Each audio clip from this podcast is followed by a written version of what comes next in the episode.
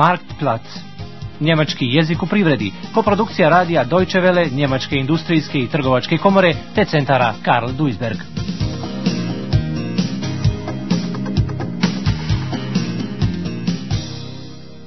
Dvadeset i prva lekcija. Strukturna promjena u Rurskoj oblasti. Tief im Westen, wo die Sonne verstaubt, ist es besser, viel besser als man glaubt. Tief im Westen,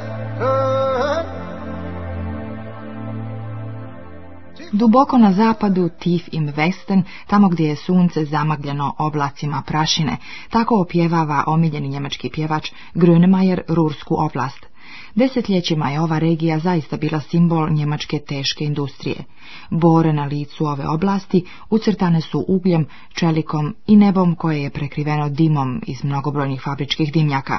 Uvečer, u malim zadimljenim kafanama, sastaju se radnici nakon završetka smjene, nach der Schicht. Tako bi popili pivo, poigrali karata i porazgovarali jedan s drugim. Alfred i Mane, dvojica radnika visokih peći, redovno su jedanput sedmično dolazili u gostionicu na kuglanje. Danas je Alfred došao kasno, njegov pogled bio je mračan i neraspoložen. Mürich. Sve to ne izgleda ni malo dobro. Das sieht nicht gut aus.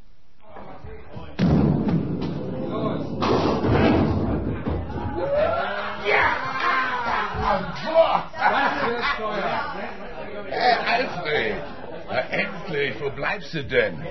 Hast du deine alten Kegelbrüder vergessen, wa? Dafür hast du den genialen Wurf von mir verpasst. Zeug, alle Neune weggefegt. Ja, Abend, Manne. Was ist denn los? Warum bist du so mürrisch? Kommst wohl gerade von der Schicht am Ofen, wa? Ich sag dir, das sieht nicht gut aus, Manne. Das sieht nicht gut aus. Was? Und wegen Spätschicht. Ich komme gerade von der Betriebsversammlung. Mann, ich brauche erst mal ein Bier. Anita! Ein Pilz, ein großes. Nakon sjednice radničkog kolektiva Betriebsversammlung, Alfredu nije bilo do kuglanja. Ispijajući pivo, bija, on je iznio svom prijatelju svoje brige. Na sjednici je prisustovalo cijelo rukovodstvo, die ganze Geschäftsführung. Oni su razgovarali o situaciji na tržištu čelika, Stahlmarkt, o problemima plasmana, absac probleme, ali i o cijenama na svjetskom tržištu. Weltmarktpreise. Ukratko rečeno, njemački čelik je preskup. Stahl ist zu teuer. A to znači posao ide loše, nema više poručbi. Das Geschäft läuft mies, keine Aufträge mehr. A radnici neće primiti posebni dohodak za Božić, Weihnachtsgeld. Also, was ist Sache? Sag ich doch. Es war Betriebsversammlung bei uns im Stahlwerk. Sie hatten die ganze Geschäftsführung aufgefahren. Sieht wohl nicht so gut aus auf dem Stahlmarkt. Die faseln da was von Absatzproblemen und Weltmarktpreisen und unser Stahl ist zu teuer. Ganz einfach. Ja und? Was heißt das nun? Ja, das heißt auf gut Deutsch, dass das Geschäft mies läuft. Keine Aufträge mehr. Dass wir deshalb kein Weihnachtsgeld kriegen. Dieses Jahr. Was denn? Das heißt das. Kein Weihnachtsgeld. das ist ja ein Hammer. Du sagst es. Seit fast 20 Jahren arbeite ich jetzt schon am Ofen. Und mein Vater davor schon 30 Jahre. Aber Weihnachtsgeld hat's noch immer gegeben. Ich sag dir, Mann, das sieht nicht gut aus. Wie ist denn das bei euch im Werk? To je nečuveno. To još nije zapamćeno. 20 godina radio je Alfred na pećima za topljenje čelika am Stahlschmelzofen, na onom mjestu gdje je prije njega 30 godina radio njegov otac. Novčani dodatak za Božić oduvijek je postojao. Šta se to sprema? Alfred naslučuje, ako već dolazi do smanjenja potražnje za čelikom, Stahlflaute, sve bi moglo završiti kao i sa ugljem, wie bei der Kohle. U kratkom vremenu zatvarani su rudnici jedan za drugim. Eine Zeche nach der anderen dicht gemacht. Svi su ostali bez posla, alle arbeitslos. Also, du, machst mir ja richtig Angst. Aber und, bei uns ist alles ruhig. Jedenfalls haben die noch nichts verlauten lassen. Wart's nur ab, Manne. Wenn das mit der Stahlflaute stimmt, dann merkt ihr das auch in eurem Werk. Wenn das mal nicht so wird wie bei der Kohle. Weißt du noch, ruckzuck haben die eine Zeche nach der anderen hier dicht gemacht. Alle arbeitslos. Dann geh, Alfred. Danke, Anita. Ist ein Schatz. Jetzt machen wir nicht gleich einen Teufel an der Wand. Komm, trink erst mal einen und mach einen Wurf. Geht's dir besser? U Rurskoj oblasti nalazi se jedna od najvećih zalika kamenog uglja na svijetu. U 19. stoljeću sa početkom industrializacije potražnja za ugljem naglo je porasla, skupa sa rudarskom industrijom počeo je i razvoj petrohemije. Građene su elektrane, nastajali su industrijski giganti Krupp, Hirsch, Thyssen, a oko njih cijela mreža pripremnih i finalnih proizvodnih grana. Pred Prvi svjetski rat polovina stanovnika Rurske oblasti bila je zaposlena u industriji uglja, željeza i čelika. Iskopavanje uglja i proizvodnja čelika udvostručavale su se svako deset godina. 30. godina proizvodnja željeza i čelika počela je premašivati proizvodnju uglja. Nakon drugog svjetskog rata, u godinama privredne obnove, proizvodnja uglja, željeza i čelika ponovno je krenula uzlaznom putanjom. 1957. Rurska oblast dostigla je vrhunac svog privrednog razvoja a onda je došla kriza. Radnik na visokoj peći, Alfred, ponovno je zakasnio. Kam wieder zu spät na kuglanje. I ovaj put njemu nije bilo do kuglanja. Nicht zum Kegeln zum Mute. Iz njegove fabrike otpušteno je 6000 ljudi. Müssen 6000 Leute gehen. Hey, Alfred, du bist ja schon wieder zu spät. Komm rüber, ich hab dir noch einen Platz freigehalten. Tag, Manne. Ja, Tag, Alfred. Mensch, du guckst ja schon wieder so belämmert. Mir ist heute nicht nach Kegeln zumute. Ich frage mich sowieso, ob ich mir das künftig noch leisten kann. Ja, warte. Mensch, Manne, hast du noch nicht gehört? In meinem Werk müssen 6000 Leute gehen. 6000! Und einer davon bin ich. Futsch, aus, vorbei. Ich werde nicht mehr gebraucht. Kerle. Ja, das ist ja wirklich. Das ist ja wirklich hängen im Schach. Mensch, Alfred. Hat sich erwischt. Alfred je jedan od 6000 radnika iza kojeg će se fabričke kapije zatvoriti zauvijek. Za njega je to propast, kraj svijeta. Futsch, aus, vorbei. Ich werde nicht mehr gebraucht. Više me ne trebaju, baš kao što ne trebaju ni njemački čelik.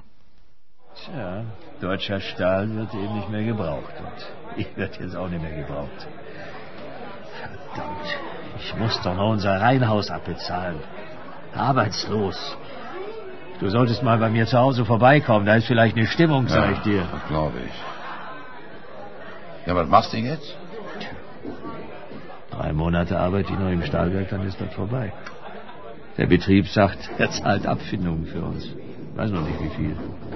Das hilft mir vielleicht aus dem Gröbsten heraus, aber was mache ich dann? Ich habe doch nichts anderes gelernt als Stahlarbeiter. Ja. Das ist bitter. Bei uns im Werk, da fragen sie auch schon jeden über 55, ob er nicht in Frührente gehen will. Das fragen sie bei uns auch. Aber ich bin doch erst 44, ich bin doch noch kein Rentner, Mensch. Ja, ja, bei dir ist das was anderes. Weil aber ich, ich habe hier schon fast 40 Jahre lang den Buckel drum geschuftet. Also ich hätte eigentlich gar nichts dagegen, jetzt mit meine 56 mal endlich die Füße hochzulegen. Was soll bloß werden? Ich brauch doch Arbeit.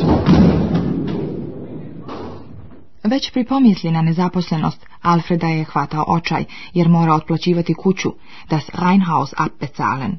Još nije poznato kakvu će otpremninu, Abfindung, dobiti od fabrike kao kompenzaciju za gubitak radnog mjesta. Mane će po mogućnosti otići u prijevremenu penziju. Frührente, njemu je 56 godina. Alfred je međutim napunio tek 44, njemu je neizostavno potreban posao. Er braucht unbedingt Arbeit. Prva velika kriza u Rurskoj oblasti počela je 1958. godine. Nafta je kao energent bila jeftinija, tako da je potražnja za ugljem opala. U roku od 10 godina, od 1960. do 70. ukinuto je skoro 200.000 radnih mjesta, Arbeitsplätze brachen weg, u oblasti proizvodnje uglja. Onda je na red došao sektor čelične industrije, štal sektor. Kriza je počela 74. odnosno 75. pooštravanjem konkurencije na međunarodnim tržištima. Do 1990. ukinuta je skoro polovina radnih mjesta u industriji željeza i čelika. Rurska oblast se iz rasvjetale industrijske regije pretvorila u najsiromašnije područje sa visokim stepenom nezaposlenosti. Kriza u rudarstvu i industriji čelika dovela je do strukturnih kriza u cijeloj regiji. Kako je sve teklo, objašnjava Katja Brikau, ekspert za regionalni razvoj. Also begonnen hat eigentlich das ganze Problem der Region damit, dass das Ruhrgebiet in den ja, 50er, 60er Jahren geprägt war durch die Montanstruktur. In den Anfängen der 60er Jahre begann die Bergbaukrise. Da brachen die Arbeitsplätze im Bergbau weg und ähm, Probleme hat das im Ruhrgebiet dahingehend noch nicht so viel verursacht, da die frei gewordenen Bergarbeiter zum Teil ähm, neue Arbeit im Stahlsektor fanden. Begonnen hat die Krise deshalb dann erst in den 70er Jahren, als dann auch das letzte Standbein im Ruhrgebiet wegbrach, nämlich die, der Stahlsektor. Razlog za krizu u regiji leži u jednoobraznoj strukturi, odnosno monostrukturi, monostruktur, što znači u jednostranom privrednom razvitku. Najveći broj radnih mjesta, Arbeitsplätze, nastao je u rudarstvu, Bergbau, u sektoru čeličana, Stahlsektor, i u pripremnim i finalnim proizvodnim granama, vor- und nachgelagerte Produktionszweige. Ja, Monostruktur hieß eben, dass das Ruhrgebiet in erster Linie oder die Arbeitsplätze des Ruhrgebietes in erster Linie im Bergbau und im Stahlsektor beziehungsweise in vor- und nachgelagerten Produktionszweigen waren. Und ähm, das Ruhrgebiet auch ganz extrem durch einige wenige große Unternehmen geprägt war. Mala preduzeća za pripremnu i finalnu proizvodnju radila su za koncerne, uglja i čelika, ispunjavajući dobijene radne naloge. A kada su poručbe izostale, i dobavljačke kooperantske firme zahvatila je masovna nezaposlenost, masive Arbeitslosigkeit. Durch eben das Wegbrechen des Bergbaus erst, dann des Stahlbereichs, entstand massive Arbeitslosigkeit, da eben auch die gesamte vor- und nachgelagerte Industrie Probleme bekam und im Prinzip nichts anderes vorhanden war. Ničeg drugog nije bilo, nichts anderes war vorhanden. U Rurskoj oblasti dugo vremena se forsirala isključivo proizvodnja uglja i čelika bez investiranja u druge industrijske grane. Bilo je jasno da mnogi rudari i radnici u čeličanama koji su postali nepotrebni neće moći naći novi posao, zato su razrađivani takozvani socijalni planovi, socijalplene. Die Älteren, stariji su poslani u prijevremenu penziju, vorzeitig in den Ruhestand geschickt. Drugi su dobili otpremninu, Abfindung erhalten, i dobrovoljno otišli u druge branše, freiwillig in andere Branchen. Mnogi koji su pokušavali da se bave privatnim biznisom su propali, sind gescheitert i ostali bez posla, arbeitslos geworden. Direktnih otpuštanja, direkte Entlassungen nije bilo, podlači Gerhard Bosch, ekspert iz biroa za zapošljavanje. Der Bergbau hat sehr viele Ältere vorzeitig in den Ruhestand geschickt. Die ähm, Leute bekamen eine Aufstockung zum Arbeitslosengeld, waren gut abgesichert und sind früher in Rente gegangen. Und andere Bergleute haben Abfindungen erhalten und sind freiwillig gegangen mit diesen Abfindungen und dann in andere Branchen gegangen. Der eine oder andere ist dort natürlich gescheitert und dann erst arbeitslos geworden. Es hat aber keine direkten Entlassungen gegeben. Od kraja 60. godina prekvalifikacija, umschulung, u borbi protiv nezaposlenosti igra veliku ulogu. Ranije se na prekvalifikaciju nije mislilo, pošto je u Njemačkoj vladala potpuna zaposlenost, Vollbeschäftigung. Onaj ko je tražio posao, on ga je i nalazio. Kasnije je postojalo sve teže i posao je počeo da dobija onaj ko je imao bolju školsku spremnu, dobro obrazovanje, eine gute Ausbildung. Die Umschulung spielte eine große Rolle, und zwar ab Ende der 60er Jahre. Bis dahin hat man an Umschulung eigentlich nicht gedacht. Wer, es war, gab in Deutschland Vollbeschäftigung. Wer einen Arbeitsplatz suchte, fand einen Arbeitsplatz. Aber dann zeigte sich, es wurde schwieriger auf dem Arbeitsmarkt und eigentlich nur wer eine gute Ausbildung hatte, konnte einen neuen Arbeitsplatz finden. Gerhard Bosch podsjeća kako su se stručnjaci za proizvodnju uglja i čelika, Facharbeiter des Kohle- und Stahlbereiches, u Rurskoj oblasti morali prekvalifikovati u električare, elektrika, zidare, maurer i vrtlare, Gärtner. Ja, es wurden Facharbeiter aus ähm, dem Bergbau und dem Stahlbereich, die also auf diese Sektoren spezialisiert waren, wurden Elektriker. Aber wenn man genau hinschaut, ist man erstaunt, wie breit das Berufsspektrum ist. Einige sind Maurer, Gärtner, Mane sve rijeđe susreće Alfreda na kuglanju. Alfred nema vremena, on uči za električara. Nakon što je postao nezaposlen, otišao je u zavod za rad, biro za zapošljavanje, Arbeitsamt, gdje je sa njim razgovarao jedan savjetnik ureda. On je ispitao Alfreda šta zna i zašto je zainteresovan, da bi mu onda predložio prekvalifikaciju, umschulung. Ja, was machst du denn jetzt? Ja, war beim Arbeitsamt. Und die sagten genau das, Was jetzt nicht gesucht wird, sind Stahlarbeiter. Guter Witz, was? Ja. Aber die meinten, ich sei doch noch jung und, haben eine Umschulung angeboten. Was? Du wirst jetzt noch Lehrling? Meine, was machst du denn? Na, der, der Bearbeiter da auf dem Arbeitsamt, der war eigentlich ganz in Ordnung. Hat sich lange mit mir unterhalten, was ich sonst noch so kann und äh, was mich noch so interessiert und so. Ja. Und irgendwann sind wir dann drauf gekommen. Ich werde Elektriker. Ach. Ja. Hab ja schon die ganze Elektrik bei uns zu Hause selbst gelegt.